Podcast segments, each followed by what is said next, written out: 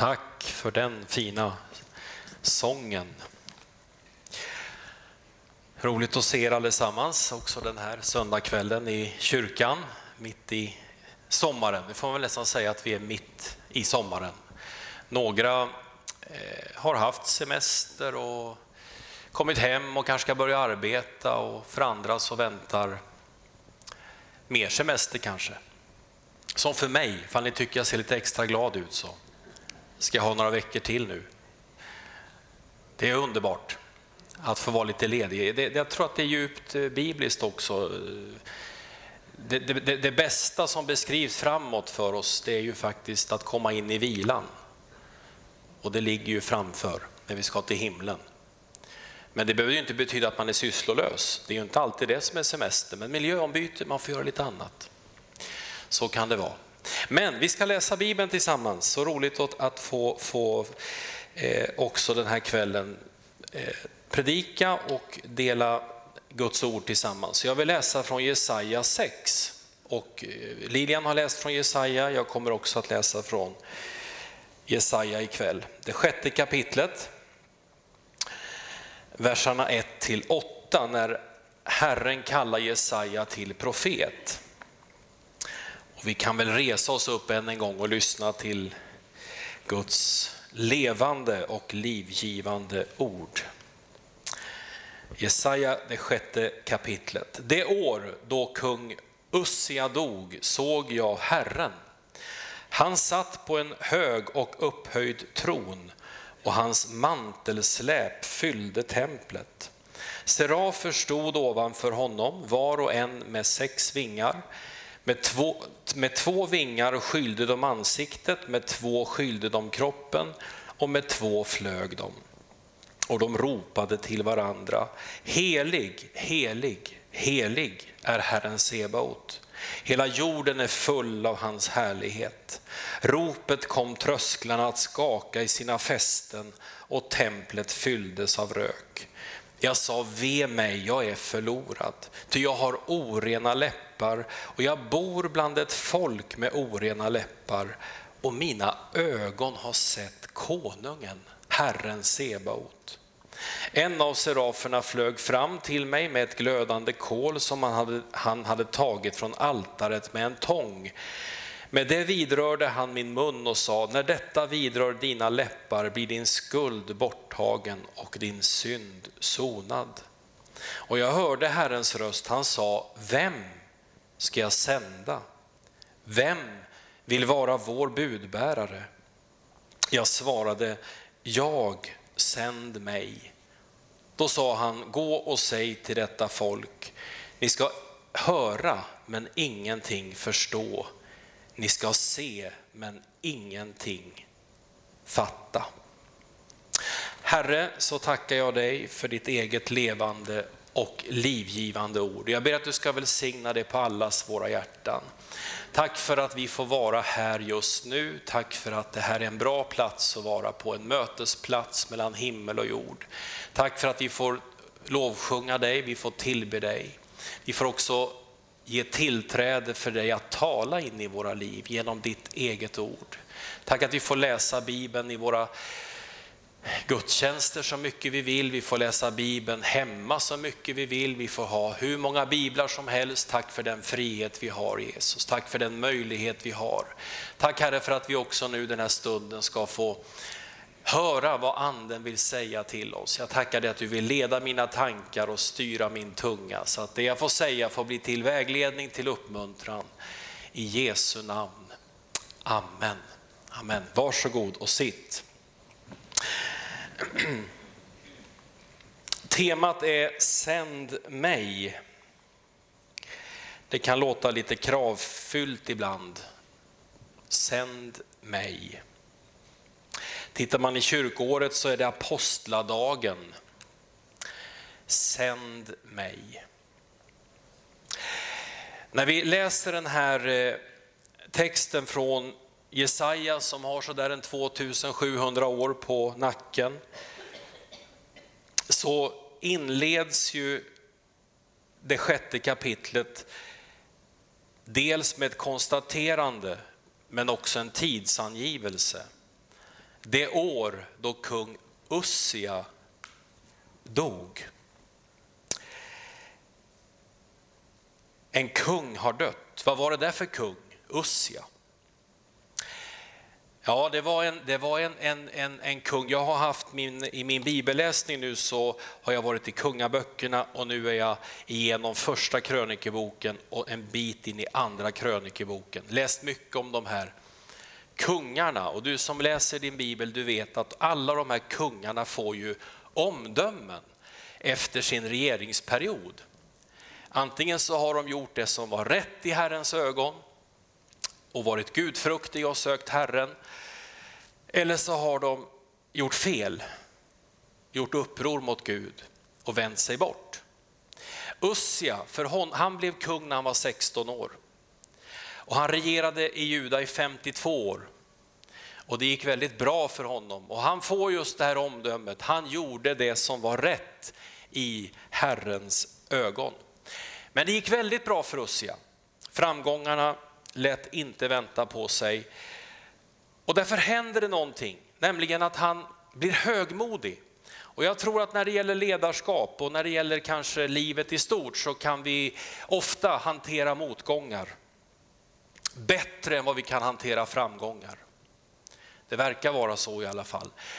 Ussias framgång, någonstans går han vilse och så får han faktiskt de här orden om sig ifrån andra krönikeboken 26 och 16.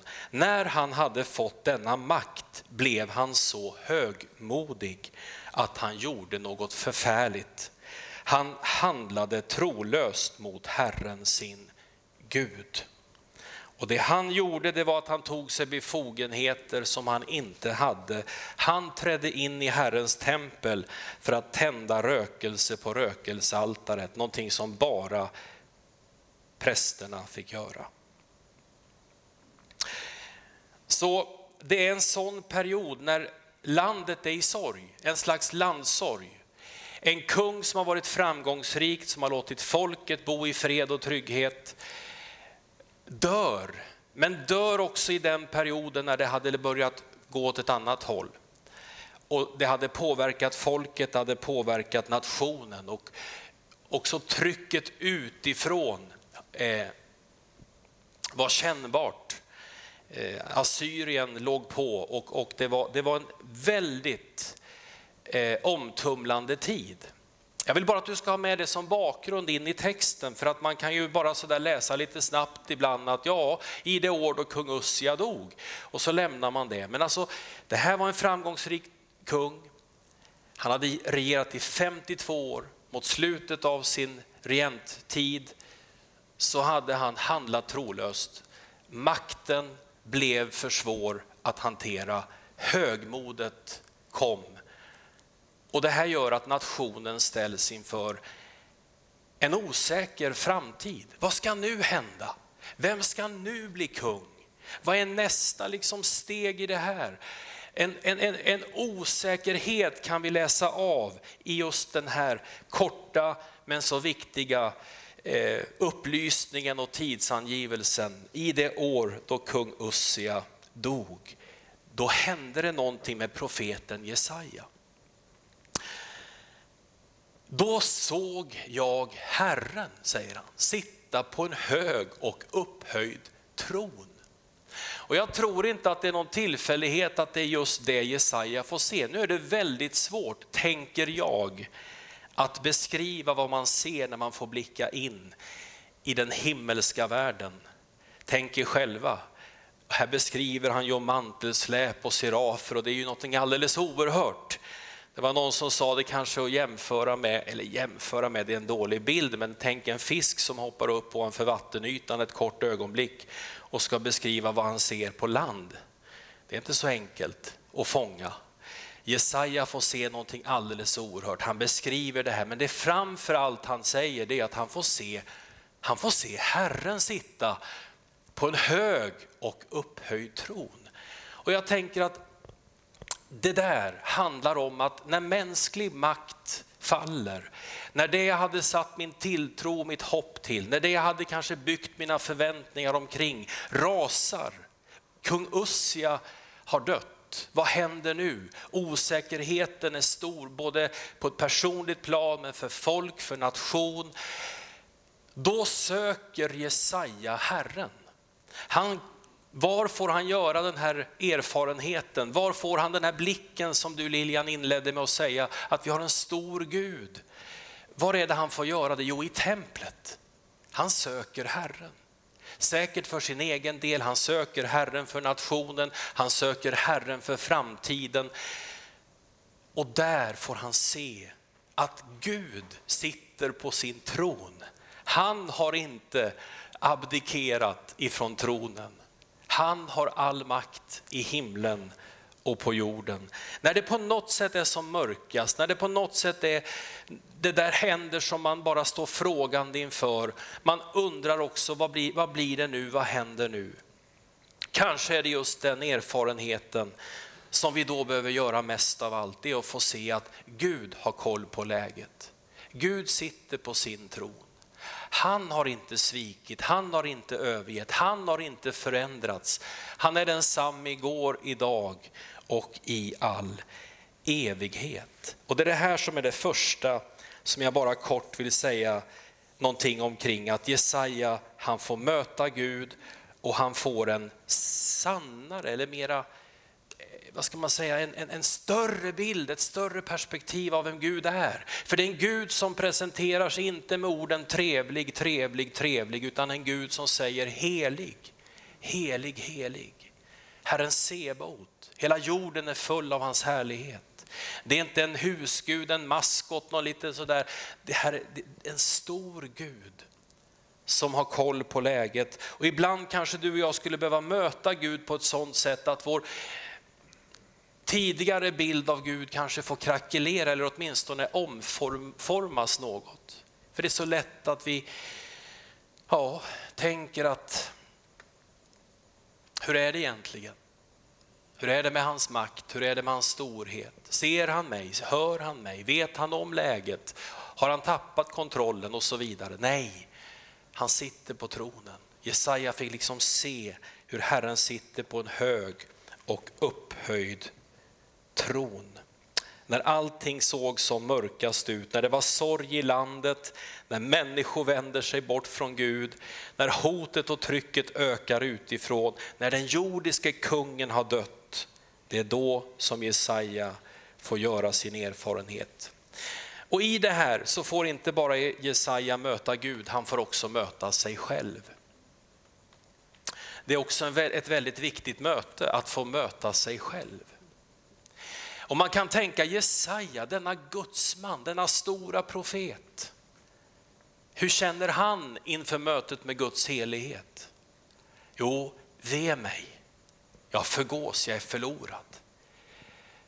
Och då tänker jag hur mycket mer inte, skulle det då inte vara för mig och för oss? I Guds helighet, vad händer med oss då? När våra liv blir genomlysta. Det var nog så att Jesaja kunde göra bra analyser av sin samtid. Han kunde nog se ett och annat fel eh, och förklara varför det hade gått som det hade gjort. Och han hade ju eh, insteg i, i maktens korridorer, Jesaja. Han, han, han, men någonting händer. Han får göra det där mötet som först och främst berör hans eget liv på ett sådant sätt att han bara måste utbrista, ve mig, jag är förlorad, jag förgås. Utan Guds nåd så är vi förlorade. Det är lätt ibland att man kan, som vi pratade om förra söndagen, det här med att inte döma, att man ser flisan i sin broders öga men märker inte bjälken i sin egen. Men det första mötet handlar om mötet med sig själv. Ve mig, jag förgås, jag är förlorad. Sen kommer det där andra och jag bor ibland ett folk som har orena läppar. Mötet med Gud som genomlyser och i hans helighet berör profeten.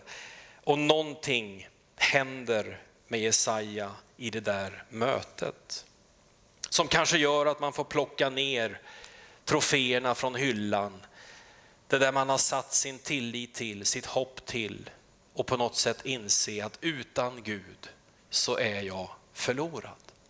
Men här möter Jesaja Gud, han möter Gud i templet. Säkert var det ingen tillfällighet att han befann sig där, han gjorde det säkert ofta. Och vad viktigt för oss att också grundlägga de här goda vanorna i våra liv av ett gudstjänstfirande, bibelläsning och bön. Det är inte alla dagar som är de stora uppenbarelsens dagar, det vet både du och jag. Men ibland så får vi det där mötet, den där blicken som gör att vi ser och får möta Gud på ett sätt som präglar, som märker oss, som, som gör någonting med oss. Och här kommer ju också då ögonblicket när hans läppar får vidröras av ett glödande kol. Det måste ju varit gjort fruktansvärt ont, tänker jag. Det är, det är ingen rekommenderbar metod kanske, men, men, det är en bild på försoning, på upprättelse. För att också Jesaja skulle kunna bli budbäraren för det Gud hade som kallelse för honom. Och Det jag tycker är fascinerande, det är att kallelsen kommer i det sjätte kapitlet. Det är ju faktiskt att Jesaja han har profeterat ett antal profetior. Du som läser, har läst Jesaja vet att han är igång direkt och profeterar och talar ut vad Herren säger. Men det är i sjätte kapitlet som han beskriver kallelsen, mötet med Gud. Och jag tänker att vi kanske tänker så där ibland att kallelsen, ja men den fick jag där och då. Men det är som att vi behöver förnyas i kallelsen, förnyas i uppdraget, möta Gud igen och igen och på något sätt få göra den där erfarenheten som tar ut riktningen för framtiden och det som är nästa steg i våra liv. Och Det som också jag tycker är fascinerande här, det är att, att Gud som är helig, upphöjd, sitter på sin tron, all makt i himlen och på jorden, ändå är beroende av frivilliga och volontärer. Har du tänkt på det? Han frågar vem ska jag sända? Vem vill gå? Vem vill vara med? Och du vet, man har suttit i många sådana sammanhang, möten och samlingar, både små och stora, och man kommer på så mycket bra saker som man skulle kunna göra som kyrka. Och det borde vi göra, det skulle vi göra, det ska vi satsa på, det där ska vi... Och man visionerar det så stort så det inte är klokt ibland och man känner ja. Och så kommer man till den där lilla enkla detaljen, vem vill ta ansvar för det här nu då? Vem känner för att, att göra det? Ja, det är inte alltid lika sådär på en gång. va? Och då tänker jag, det här är ju våran situation, vi människor, och det här är ju typiskt liksom i allt ledarskap att vi, vi tycker mycket och vi tänker mycket och vi vill mycket, men sen kommer det till, kan du ta ansvar? Nah, fråga någon annan. Och då tänker jag, tänk att Gud har samma situation. Det behövs budbärare. Det behövs människor som vill, vill och som säger ja för att gå hans ärende. Och det verkar som att det har varit så i alla tider. Jag tänker på Jesus, han, han sa så här, det här är ett ständigt bönämne. Skörden den är stor, men arbetarna de är få. Vad, vad märkligt.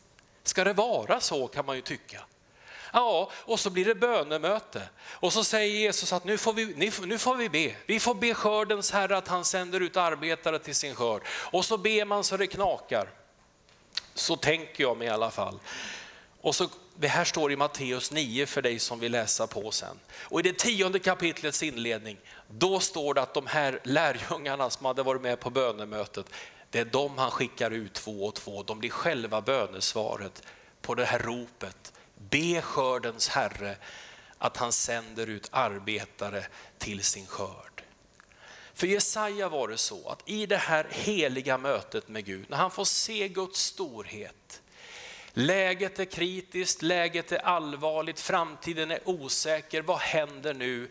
Då får han möta Gud, han får möta sig själv och i det här så väcks en längtan och en vilja hos Jesaja att faktiskt ställa sig till Guds förfogande. Och visst är det det här paradoxala, en helig Gud inför vilken man inte kan göra annat än att utbrista, ve mig jag förgås.